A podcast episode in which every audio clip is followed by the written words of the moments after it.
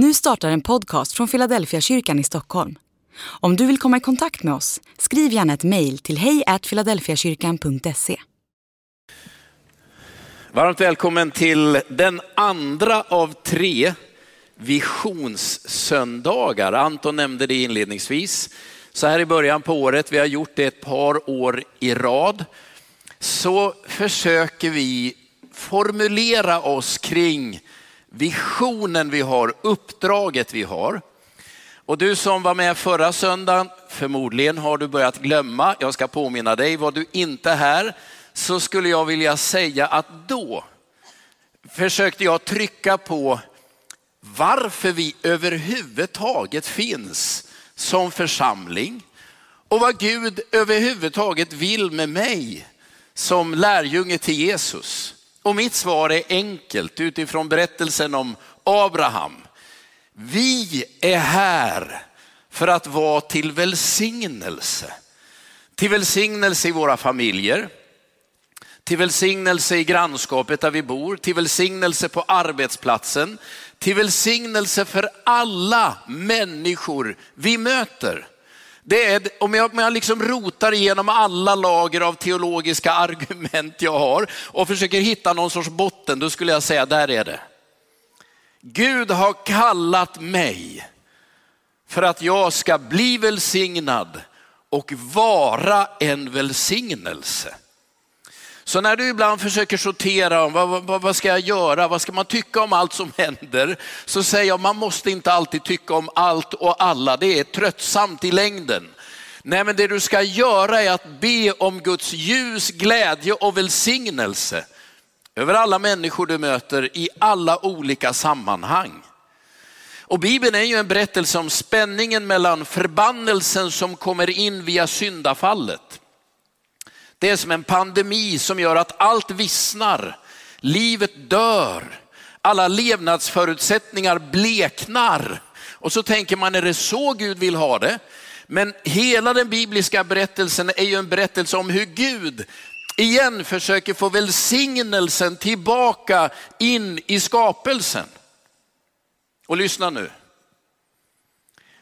Jag tänker att Philadelphia församlingen här i centrala Stockholm, på andra platser runt om i stan, vi finns egentligen inte för vår egen skull. Utan vi finns därför att Guds hjärta klappar för alla människor i den här staden. Gud vill välsigna, han vill att ljus, liv, glädje ska liksom sippra tillbaka in i människors liv. För mig är det en väldigt hoppfull tanke. Tycker det är skönt själv att tänka när jag kommer in i nya sammanhang, vad ska jag göra här? Jag är nog här för att välsigna på något sätt. Och jag använde berättelsen om Abraham och sa att Abraham, han drog sig inte ur, han tågade in. Han klev bara rakt in i det där landet han tänkte att Gud ville ge honom. Han var den enda i sin generation som hade mött Gud. Och han verkar inte bekymrad över att andra människor har andra trosföreställningar och livsstilar. Han är bara där, bygger sitt altare, tillber Gud. Så ska vi tänka. Så du finns för att vara till en välsignelse för människor omkring dig. Det är vad Gud har tänkt och han vill också välsigna dig. De där två sitter ihop. Nu ska jag fortsätta med den här grundläggande frågan. Varför finns vi? Varför finns Philadelphia-församlingen? Den här kyrkan grundades ju 1910 och det finns några namn jag ska repetera. Några av er är väl bekanta med namnen, andra har aldrig hört talas om dem. Då blir det lite kyrkohistoria idag. Men varför finns den här kyrkan? Det finns många olika svar. Jag ska, ska även där försöka rota mig ner genom ett antal lager till det jag uppfattar är det mest grundläggande argumentet för våran existens. Och jag ska göra det genom att ta med dig till en välkänd berättelse. Och om jag nu började med Abrahams berättelsen så ska vi nu gå till uttågsberättelsen. Israels befrielse ur fångenskapen i Egypten. Och så läser jag från andra Mosebok kapitel 3, vers 7 till vers 14. Och ni kommer inte få texten bakom mig, tror jag, så ni får lyssna uppmärksamt. Andra Mosebok kapitel 3, vers 7 till vers 14. Herren sa, jag har sett hur mitt folk plågas i Egypten. Jag har hört deras klagorop över sina slavdrivare. Jag vet vad de får lida. Därför har jag stigit ner för att befria dem från egyptierna och föra dem från Egypten till ett land som är rikt och vidsträckt och som flödar av mjölk och honung. Ett land där det nu bor kananéer, hetiter, amoreer, periser, hiver och jevuser. Nu har israeliternas klagorop nått mig och jag har själv sett hur egyptierna plågar och förtrycker dem. Så gå nu, jag sänder dig till farao och du ska föra mitt folk, israeliterna, ut ur Egypten. Mose invände, bara det. Man hör Gud tala, det första man gör det är att ha lite invändningar. Mose invände, hur skulle en sån som jag kunna gå till farao och föra israeliterna ut ur Egypten? Hur skulle jag kunna det? Gud svarar, jag ska vara med dig. Och detta är tecknet som ska visa att det är jag som har sänt dig. När du har fört folket ut ur Egypten ska ni hålla gudstjänst på detta berg.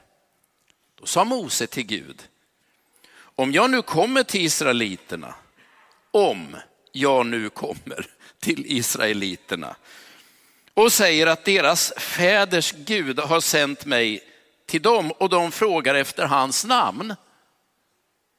Vad ska jag svara då? Gud sa, jag är den jag är. Säg dem att han som heter jag är har sänt dig till dem. Man ska naturligtvis läsa hela berättelsen, men jag stannar där. Mose är väl en av de här odödliga gestalterna i mänsklighetens historia. Det är Mose, eller om det är Gud genom Mose, som formulerar visionen som många fortfarande kan. Ett land som flyter av mjölk och honung. Och han leder ju det här folket genom 40 år i öknen. Och de värderingar, jag tror man ska kalla det värderingar, som, som Mose tar emot från Gud och förmedlar till folket, de är ju grundläggande i hela vår västerländska kultur. Vi kallar dem de tio budorden, tio Guds bud. Allt det kommer ju ur den här berättelsen och det, Mose är den självklara huvudpersonen i hela den här berättelsen. Det är han som motvilligt till småningom, så småningom ger sig iväg till farao. Under stora prövningar för han folket. Sen är det mycket besvär, men han håller i och håller ut. Men det jag bara vill peka på idag är ju det uppenbara, men som man ibland glömmer. Berättelsen börjar inte med Mose. Den börjar någon annanstans. Hela den här händelsekedjan som ju gör att Mose kallas av Gud en brinnande buske, Mose går, tecken och under händer. Hela den händelsekedjan startar tidigare. Och Gud säger i den här berättelsen, jag läste det två gånger men det upprepas tre eller fyra gånger.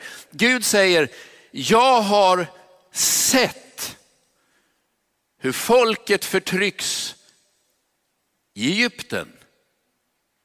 Jag har hört deras rop. Vad är det Gud säger? Jo, men Gud säger till Mose, anledningen till vår lilla konversation här, Skälet till att jag tycker att du ska gå till farao fastän du verkar motvillig. Hela grejen med att jag ger dig tecken och under som du kan utföra, det handlar överhuvudtaget inte om dig. Det handlar om några ansiktslösa, namnlösa och maktlösa människor, slavar i Egypten. Det är deras rop som nu har nått Gud. Och Gud säger, jag har hört och jag har sett och därför skickar jag nu dig. Det börjar inte med Mose. Det börjar med de hjälplösa. De vi inte har namn på. De vi bara anar lite grann om, men det är deras rop Gud har hört. Och det är därför han kallar Mose, ger honom makt att göra tecken och under, är med honom genom hela den här vandringen och vi wowar ju Mose, men det är något annat som ligger till grund. Så varför finns Philadelphia kyrkan? Ja, några av er är ju till och med släkt med Levi Petrus, den där 26-åringen som 1910 kallas hit, är med och tar över ledarskapet för det som då var en baptistförsamling. Och, och sen är ju hans livsgärning, jag tror han var föreståndare i 58 år här i församlingen.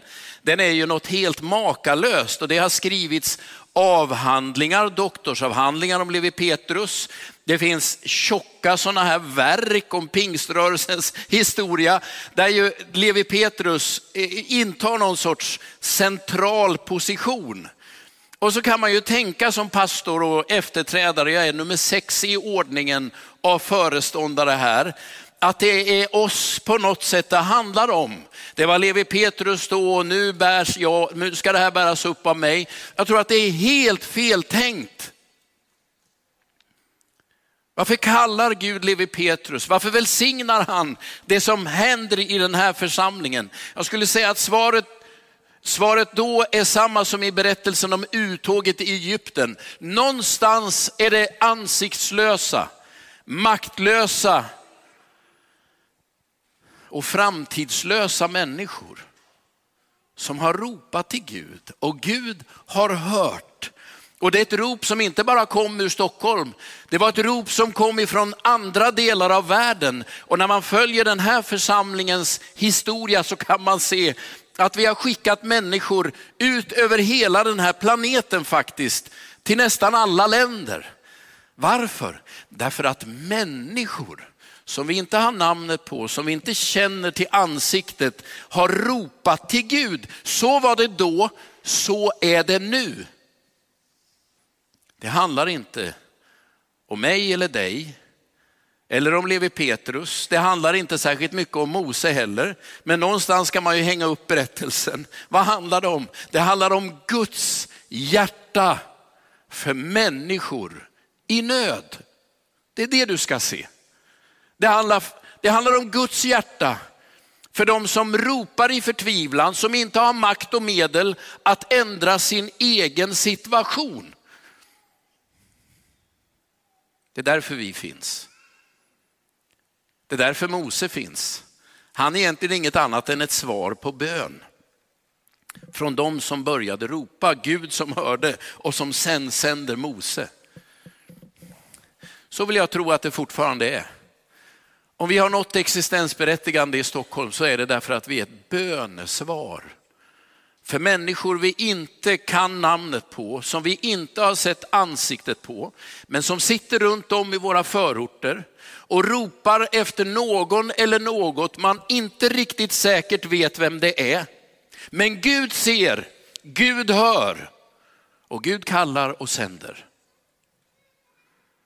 Du och jag, den här församlingen, vi är i bästa fall svaret, bönesvaret på okända människors rop till Gud. Så vilka är de här som ber? Vi vet ju inte så mycket om dem. Gud kallar dem sitt folk, men det kan vi nog säkert säga att så mycket folk var de inte. Det var ju en, en, en grupp förslavade, förtryckta människor. Och, och Mose ställer ju rimliga, relevanta frågor till Gud. Om jag nu kommer till de här människorna, som ju inte har, de har ju varit i slaveri, det finns två alternativ, 400 eller 430 år. Bibeln ger oss bägge siffrorna, Det är ju en lång period. Ni vet, det generation efter generation har kommit och gått. Mentalt har man förlorat friheten, man har inga styrsystem. Och så har man ju ropat till Gud och inget bönesvar har kommit. Mose vet ju det här. Han kommer ju därifrån, han har flytt därifrån. Om jag kommer till dem och så ska jag säga, ja era fäders Gud har hört av sig. Och de frågar, aha, och vem är han? Vad ska jag svara då? De frågar efter hans namn. Och när vi, när vi, ni vet, när vi träffar varandra så brukar ju första frågan vara, vad heter du? Alltså namnet, någon sorts identifikation. Men, men när Israel eller de fångna, slavarna säger, vad är nu denna Guds namn? Så är det ju inte, så är det ju inte bara ett namn man vill ha. Det är någonting mer de frågar efter, för namnet hänger ihop med resurserna, förmågan. Har ni någon gång blivit kreditprövade? Du vet man ska ha ett nytt kontokort eller man ska göra någon affär och så, så tas en kreditprövning. Och då, då är det ju, jag kan inte det här systemet, här sitter nu säkert någon som jobbar med detta, men ta det för vad det är. Men det, man, det jag uppfattar man vill kolla det är, finns det täckning på dig? Har du resurser att betala de här eventuella skulderna du nu avser att försätta dig i? Alltså namnet, eller när ni skriver på ett kontrakt. Då går det inte att säga, nej men det där är ju bara mitt namn. Nej men du har satt ditt namn på att du ikläder dig det här ansvaret och ska fullfölja uppdraget.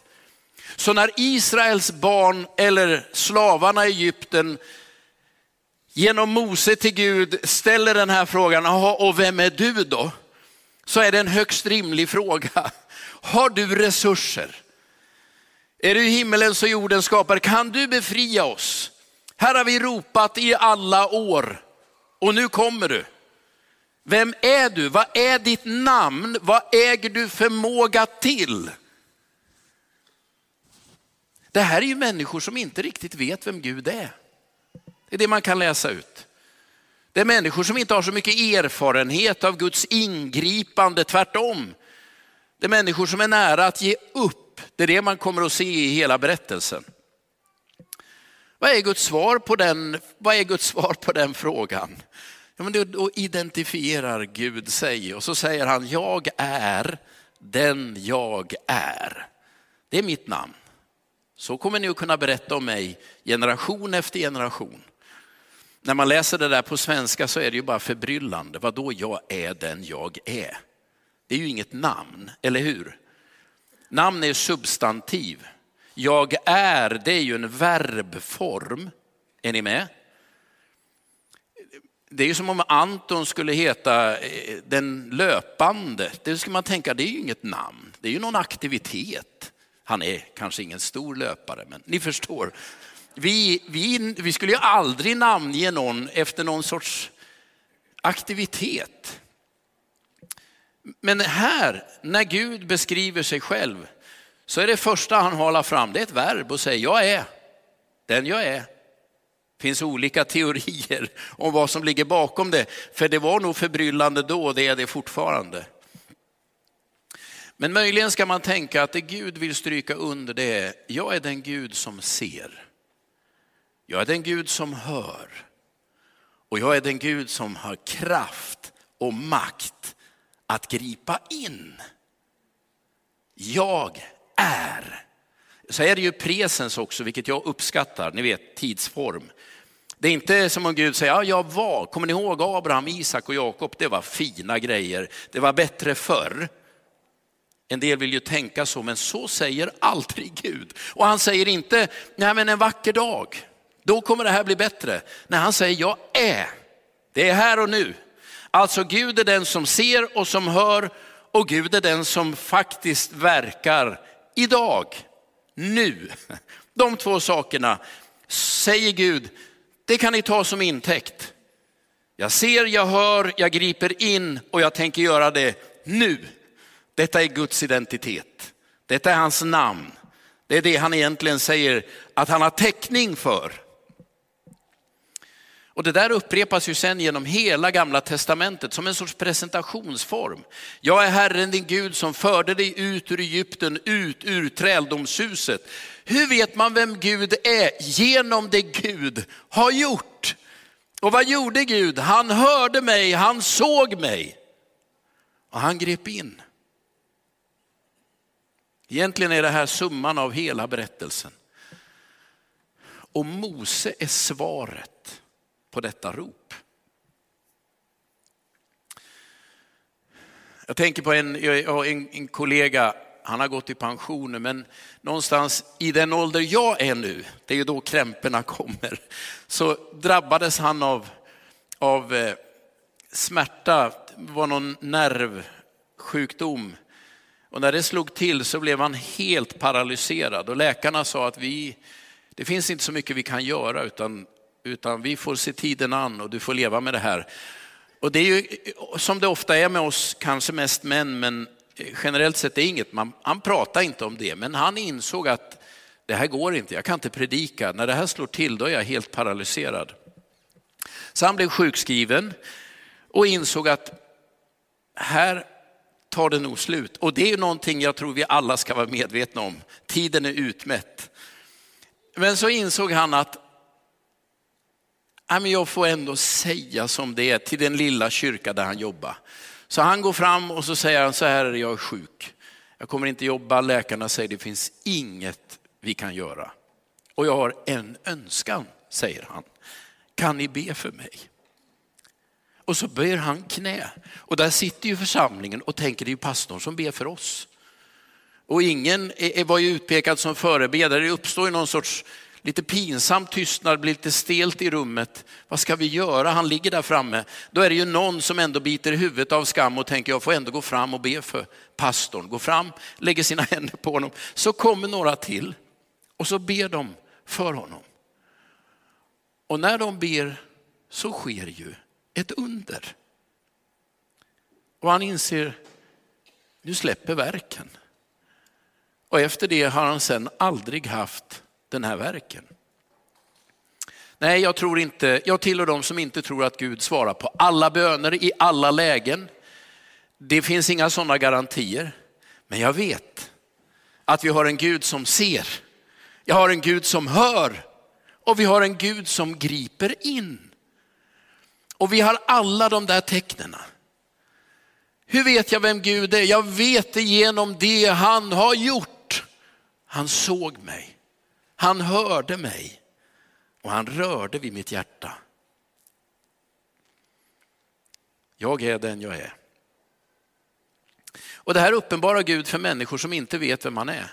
Jag har ju sagt det, jag säger det igen. Jag är helt övertygad om att det här i Storstockholm finns både två och 300 000 människor som ber till en Gud de inte vet namnet på, som man inte har en personlig relation till, men som man ändå i sitt inre hoppas ska höra. Och jag vet att den Gud som Bibeln talar om är en Gud som ser och som hör och som sänder någon. Sen finns det kanske en och en halv miljon människor som inte är där, men två, trehundra tusen människor som vi skulle kunna vara ett bönesvar för. Ni har ju alla läst det, vi har alla hört det, det som händer i Stockholms förorter. I Stockholm, i Stockholms stad, 2022 så är det 11 stycken som har dödats i skjutningar. 16 stycken har skadats.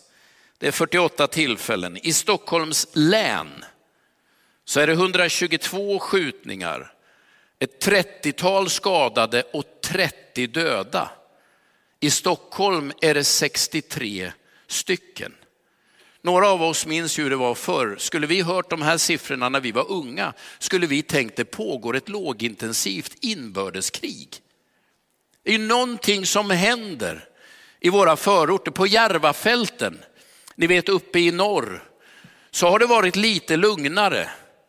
Men i fredags exploderar ju en bomb i en trappuppgång i Akalla, där vi finns. Och jag tror flera av er har sett då, inte minst på de muslimska kyrkogårdarna, där förtvivlade föräldrar kan se rad efter rad av unga män som har dött en helt onödig och alldeles för tidig död. Och när jag läser det här, när jag ser det här så tänker jag, det stiger ett rop.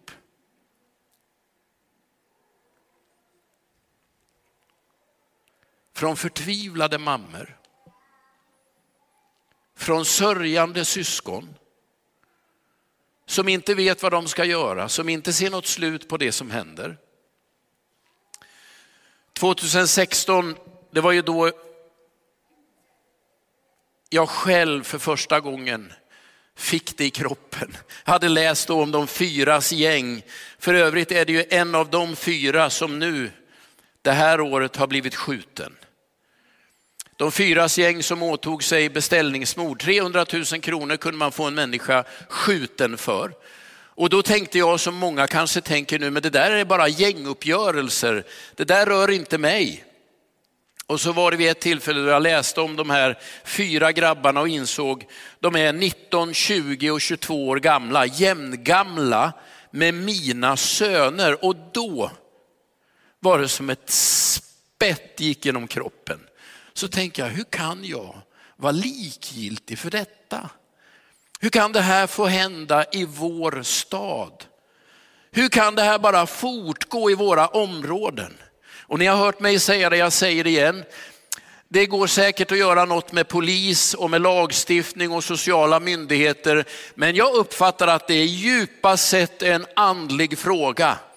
Det handlar om livsmening, om människors värdighet, om känslan av att det finns en högre kallelse i mitt liv än att jag bara ska få någon sorts våldsmonopol och mer pengar och makt. Det måste till någonting annat.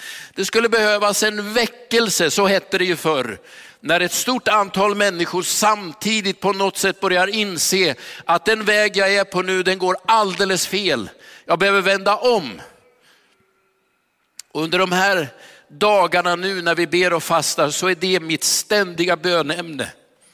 Vi, jag skulle vilja se att vi kunde göra mer än vi gör i Stockholms förorter. Nu är vi i Akalla.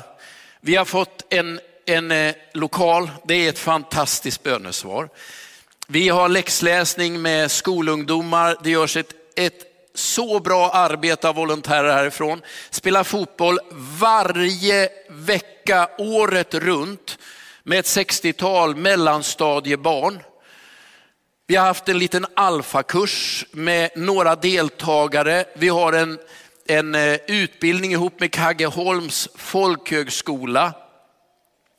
Som jag tänker så är det bara en sorts start. Vi prövar oss fram, men det är så mycket mer som skulle behöva hända och det som hände där skulle behöva hända i Rinkeby.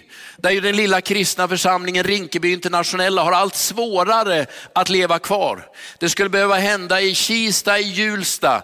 Det skulle behöva hända i område efter område efter område. Och nu tänker ju kanske någon här, det där våldet det har inte drabbat oss, låt mig nu säga det. Det har drabbat oss i Philadelphia. Här finns familjer som är indragna i detta. Och jag vill inte att ni ska tänka, vem är det? Ni ska bara tänka, gode Gud förbarma dig. Öppna dörrar, ge oss någon chans att göra något och jag är ju av den uppfattningen, om inte Guds folk steppar upp nu, så vet jag inte vart det här tar vägen. Vi behöver göra mer. Vi skulle våga mer. Vi behöver fler volontärer, vi behöver större resurser. Vi behöver framförallt en tydlig vision från Gud. Vart, vart ska vi gå? Vilka människor kan vi få kontakt med? Och så vill jag säga det Josef Marti säger hela tiden. Det som är mest uppseendeväckande med att jobba i Akalla, det är alla fantastiska människor. alla de godhjärtade, enastående, varma, generösa människorna. Det är ju sådana människor som befolkar de här förorterna, där våldet just nu skördar så förtvivlat många offer. Och jag kan bara säga till dig att jag är säker på att många av dem tillhör de här ansiktslösa, namnlösa och emellanåt helt maktlösa människorna som vänder sig till Gud eller till någon sorts Gud. De inte riktigt vet vem det är och ropar efter hjälp. Och om jag känner himmelens och jordens skapare så håller han just nu på att kolla, finns det någon jag kan skicka? Och sen vet ni att vi är precis som Mose, nej det tar någon annan. Det här går inte och vad ska vi säga och vad ska vi göra? Men min uppfattning är att hela vårt existensberättigande är att vara ett svar på okända människors bön om hjälp. Gud är en Gud som ser, Gud är en Gud som hör och Gud är en Gud som griper in. Det är detta vi tror och ska hålla fast vid. Gud behöver få röra vid mig, vid mitt hjärta, vid oss, men långt utanför det här husets gränser. Det är 2023 för mig. Om vi ska tala om någon vision det här året så är det ju faktiskt att våga tänka oss lite längre utanför det här husets gränser. Jag är så glad för det som händer bland våra ungdomar, det som Selma och Lukas med fler står i. Det är också ett arbete som jag tror är ett svar på bön. Jag är så glad för det vi gör med våra seniorer, där ensamheten ju är en av de största farsorterna. Kanske inte om man är med här, men för så många ensamma utanför. Vad ska vi göra med detta? Jag tror Gud är den som ser, Gud är den som hör och Gud är den som sänder. Och mitt enda enkla svar, eller min bön, det är Herre, här är jag, sänd mig. Och jag tänker att det är hela vår församlingsbön. Här är vi, sänd oss. Exakt hur, när, var, jag vet inte. Men det här tänker jag 2023 kommer vara ett så viktigt fokus. Vad kan vi göra? Hur ska vi göra? Nu hörni, ska jag be en bön och sen ska vi faktiskt göra en insamling. För det tänker jag är det första vi kan ge. Vi ska vara med och trycka på så att det finns resurser. För det är klart att arbeta med människor, det kostar bara pengar. Jag tänker, det ska vi kunna lösa. Sen ska vi hitta platser, sen ska vi hitta insatser. Men vi ska röra oss in i den här stan och till nya områden 2023. Det ska vi sen be för och så ska vi be innan vi går hem att Herren på något sätt talar om vad just jag skulle kunna göra. Var med oss så ber vi. Herre, nu vill jag be att du lägger något i våra hjärtan. Vi tror att det är så många i den här stan som i tysthet ber till en Gud de inte känner. Men du har uppenbarat dig för oss, du har talat in i våra liv. Du vet att vi känner oss bräckliga och lite svaga. Men vi skulle ändå vilja säga det här året, här är jag, sänd mig. Använd mig, låt mig få vara till en välsignelse någonstans i någon människas liv. Herre, jag skulle önska att vi det här året fick se att det vi gör och det vi är, är inget annat än ett svar på bön som människor har bett till dig i hemlighet. Tack Herre för att du ser. Tack för att du griper in. Och tack för att du tar oss i anspråk för att svara på den där bönen. Amen.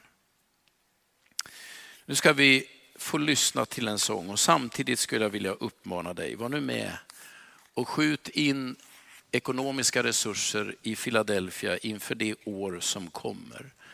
Så ska vi tillsammans, tror jag, få se hur Gud gör under i vår gemenskap genom det vi gör på olika platser här utanför den här byggnaden. Tack för din gåva.